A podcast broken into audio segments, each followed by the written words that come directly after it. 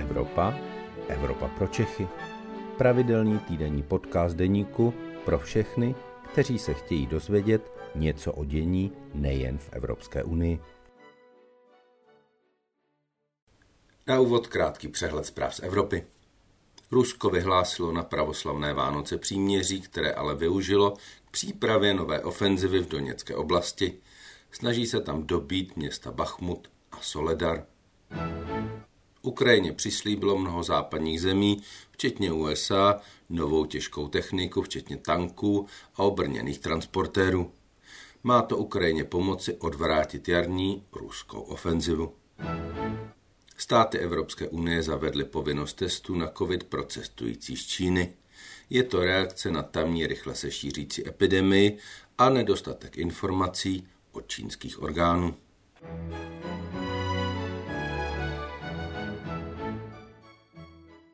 Dobrý den, je středa poledne a taky tu vaše Evropa pro Čechy, u které vás vítá evropský analytik deníku Luboš Palata. Ještě jednou přeji dobrý den a dnes tady máme vzácného hosta, ministra zahraničí, pana Jana Lopavského. Dobrý den. Dobrý den a děkuji za pozvání. Pane ministře, máme za sebou půlroční předsednictví v Evropské unii. Všichni říkají, že bylo opravdu úspěšné. V čem bylo úspěšné z pohledu české zahraniční politiky? Získali jsme zdravé sebevědomí a ukázali jsme, že Česko je plnohodnotným členem Evropské unie. Ukázali jsme, že v krizové momenty dokážeme přijít s věcným a konstruktivním řešením, na kterém potom 27. dokáže najít schodu. Pan premiér Petr Fiala říkal, že jeden z nejlepších výkonů celého předsednictví odvedli čeští diplomaté. Co s nimi bude po předsednictví? Čeští diplomaté jsou čeští diplomaté a naprostá většina, naprostá většina lidí, kteří pracovali na, předsednictvích, na předsednických agendách, budou působit dál v rezortu ministerstva zahraničních věcí, nebo jako všichni, ať už na evropských agendách, nebo se přirozeně posouvají ve svých kariérách dál. Také podporujeme, aby část těch lidí třeba uspěla v kandidaturách do evropských institucí. V Bruselu jsme měli kromě stáleho zastoupení, kromě toho jednoho domu ještě jeden. Tam ten pronájem skončil a ten jakoby vracíme? To je otázka logistiky a toho, že zastoupení, stále zastoupení v Bruselu má daný počet zaměstnanců. My teďka hledáme cesty, jak jej trošku posílit. Na druhou stranu jedna budova je v tuhle chvíli to, co, to, co je zaprvé to, co máme a myslím si, že i v tuhle chvíli s tím nějakým způsobem vystačíme.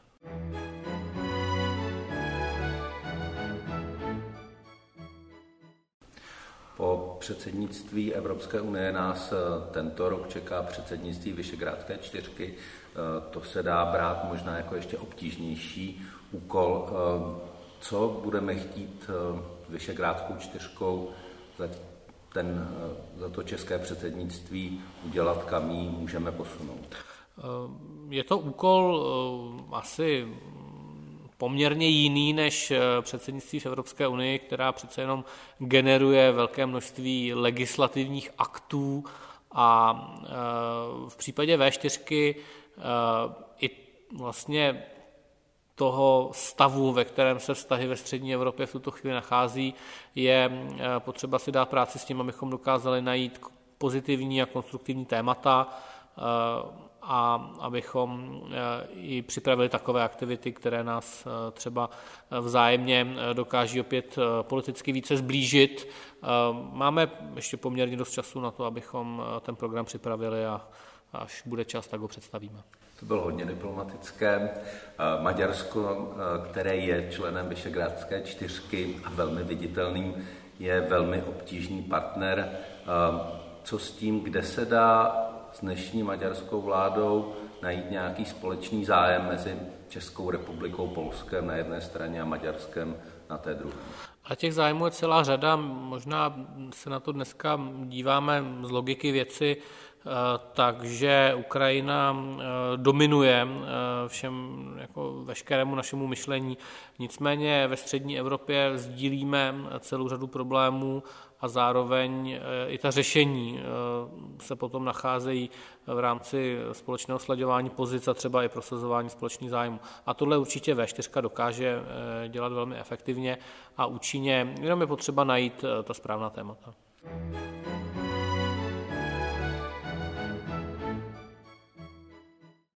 Ukrajina, jak jste řekl, dominuje zahraniční politice nejen v České republice, ale v celé Evropské unii.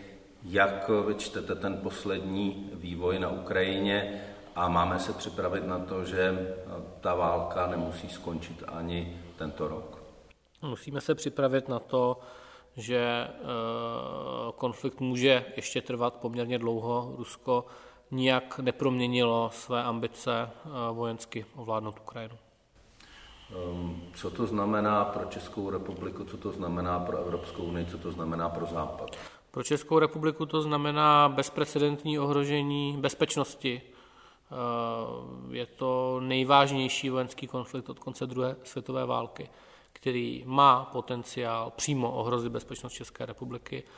Ehm, proto z toho vyplývá, a na to s tím musíme počítat a připravit se na to, že eh, musíme být eh, dále pevným a spolehlivým spojencem v NATO, musíme být dobrým členem Evropské unie, protože tyto dvě organizace společně dělají ty nejvýznamnější kroky a rozhodnutí ve prospěch Ukrajiny. Musíme pokračovat v politické, ekonomické, humanitární, vojenské podpoře Ukrajině, protože i bez toho našeho vkladu eh, by Ukrajina nedokázala čelit efektivně eh, těm ruským útokům eh, a Rusko by tím pádem mohlo na Ukrajině zvítězit.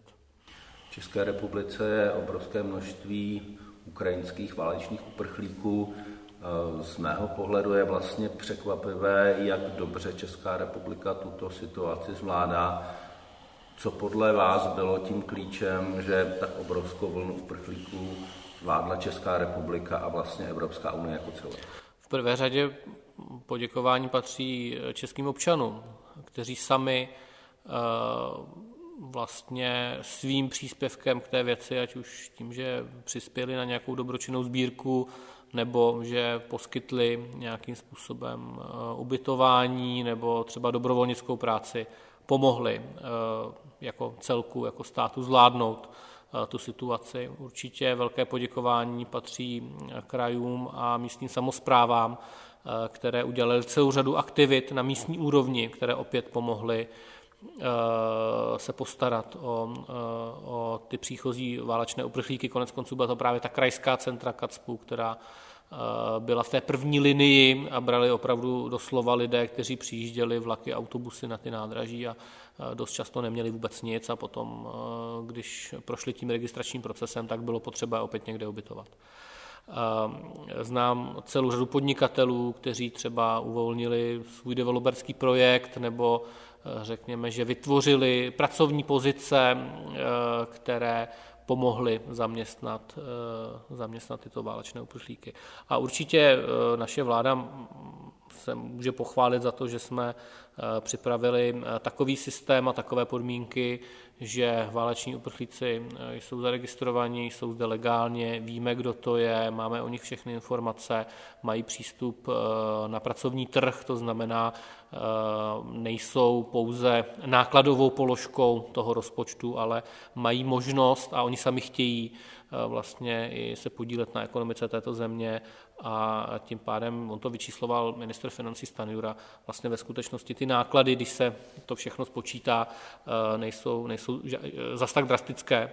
Protože a, spousta uprchlíků pracuje. Protože, protože pracují a, a, a tím pádem tím pádem vlastně přispívají i české společnosti.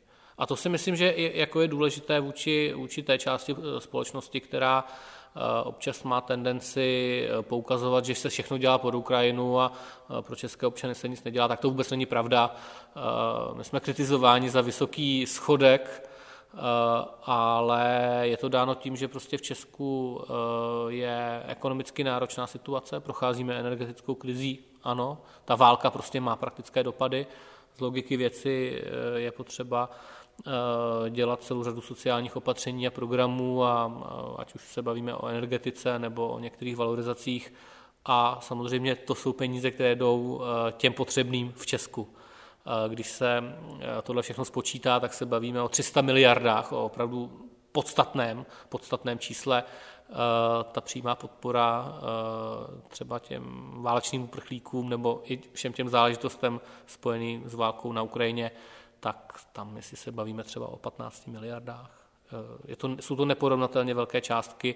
Přesto, Ehm, přesto, přesto v té veřejné diskuzi občas eh, to eh, od některých, eh, některých politiků z SPD nebo z ANO zaznívá, kdyby naše vláda neřešila nic jiného než Ukrajinu, tak je potřeba si to dát je potřeba si to dát vedle sebe, aby se ukázala ta pravda. Ehm, je tady ještě jedna věc, kterou je třeba zmínit, a to, že velkou část vlastně našich výdajů na pomoc Ukrajině kryjí peníze, které na to přichází z Evropské unie. Určitě ehm, například jeden konkrétní příklad, Evropský mírový nástroj, to znamená fond, do kterého i Česká republika přispívá, tak z něj Česká republika zase zpětně eh, čerpá prostředky eh, na některé projekty eh, právě té vojenské pomoci Ukrajině. A také jsou zde další mezinárodní organizace, které, které pomáhají právě, právě s, některými, s některými těmi projekty. To znamená, je to, není to tak, že by všechno šlo jenom ze českého státního rozpočtu.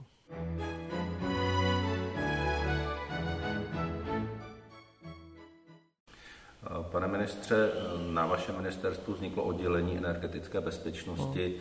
To je věc, která české občany zajímá asi úplně všechny. Ehm, co se dělá pro to, aby ta příští zima byla bezpečnější a levnější pro nás, kteří eh, potřebujeme topit a svítit?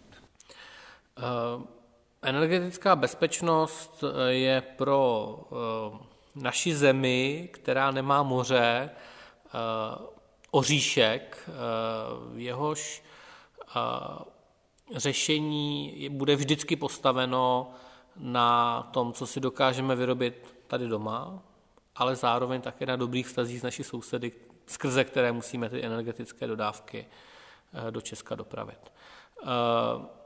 To, co máme doma a o co přicházíme, je uhlí.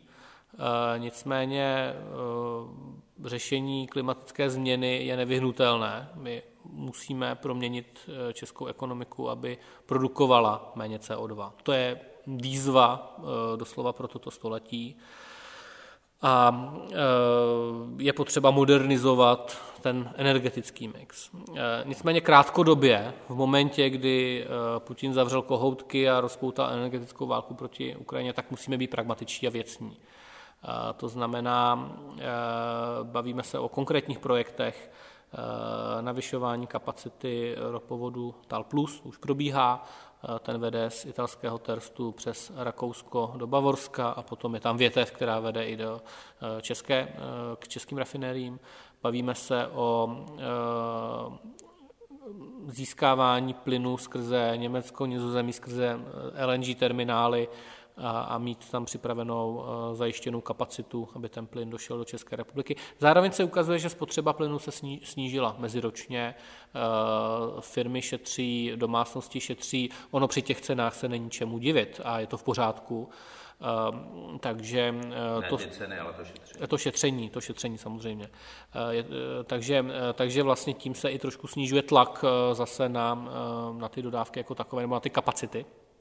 Eh, které se ukazovalo v jeden moment, že by mohly být, že by mohly být problém. A to samé platí pro zajištění eh, jaderného paliva. Eh, ale klíčová odpověď je dokázat proměnit českou energetiku, aby více zapojila obnovitelné zdroje energií, jsou to ty zelené technologie. Konec konců právě Evropská unie na to má celou řadu politik, které eh, dost, a fondů a peněz, eh, dost často je to podrobováno velmi silné kritice, ale my nemůžeme, tak jako dneska na železnicích nejezdí parní lokomotivy, možná nějaké historické vlaky, stejně tak jako doma nemáme černobílé televize a pevnou linku, tak my musíme umět proměnit i, i tyto klíčová odvětví hospodářství. Konec konců automobilový průmysl velmi brzo projde radikální obměnou, eh, kdy eh, se zvyšuje tlak na ukončování spalovacích motorů. Eh, opět to bude něco, co přispěje, přispěje k tomu, aby se snižovaly emise CO2 od nás to vyžaduje, abychom dokázali nejenom proměnit ten průmysl, ale třeba i, i výrobu elektrické energie. Tohle ale nebude příští rok. Já to nebude příští rok. příštím roku ještě vrátil. Vypadá to tak, že bude mít Evropa dost LNG terminálů na to, aby zvládla zásobování plynem jenom z těchto zdrojů a z těch eh, plynovodů, které nevedou z Ruska? Eh, v tuto chvíli se zdá, že i díky mírné zimě, ale nemáme tu zimu ještě za sebou, Eh, jsou ty kapacity dostatečné. Na druhou stranu, dokud není zima za námi, tak to nechce propadat předčasnému optimismu. Ještě můžou přijít velmi chladné měsíce. Zároveň, ale bavíme se v polovině ledna a opravdu je extrémně. To, to, co si představoval Putin, že nás vymrazí, jak byl ten klip Gazpromu, tak to se, to se prostě zatím nestalo. Eh, Evropa má už dnes dostatek LNG terminálů, eh, ale například chybí některá lokální propojení, typicky ze Španělska do Francie, ze Španělska do Itálie. Eh, ve Španělsku je asi 8 LNG terminálů, které nevytěžují zdaleka svoji plnou kapacitu a mohli by, mohli by, mohli by, se, mohli by se zapojit ale vlastně eh, chybí tyto lokální propojení. A takových příkladů je vícero. Zároveň některé země dokázaly v rekordních časech zprovoznit své LNG terminály. V Nizozemí to zvládli za půl roku v Emshavenu. Eh, Česká republika dneska není v pozici, kdy dokáže efektivně a rychle realizovat eh, velké projekty. Takže, takže to je i inspirace pro nás, abychom se zamysleli nad tím, jak máme udělanou legislativu. Pane ministře, poslední otázka. Pokud jde o vývoj války na Ukrajině, vidíte nějaké světlo na konci tunelu a může ta válka skončit během tohoto roku? Já jsem Druhý den po, vyknu, po vypuknutí e, ruské invaze na Ukrajinu řekl na plénu Senátu, že Ukrajina zvítězí. Já tomu věřím, že Ukrajina zvítězí. E, nevidím světlo na konci tunelu, vidím silné odhodlání jak Ukrajinců, tak Evropy, tak celého západního světa uhájit e, demokracii a základní lidské svobody na Ukrajině. To je to světlo na konci tunelu. Pane ministře, budeme si přát, aby tahle předpověď vyšla. Díky moc za rozhovor a těším se někdy brzy naslyšenou. Já děkuji za pozvání. Naschledanou. To byl podcast Evropa pro Čechy. Příští díl poslouchejte opět ve středu ve 12 hodin. Naslyšenou se s vámi těší váš Luboš Palata.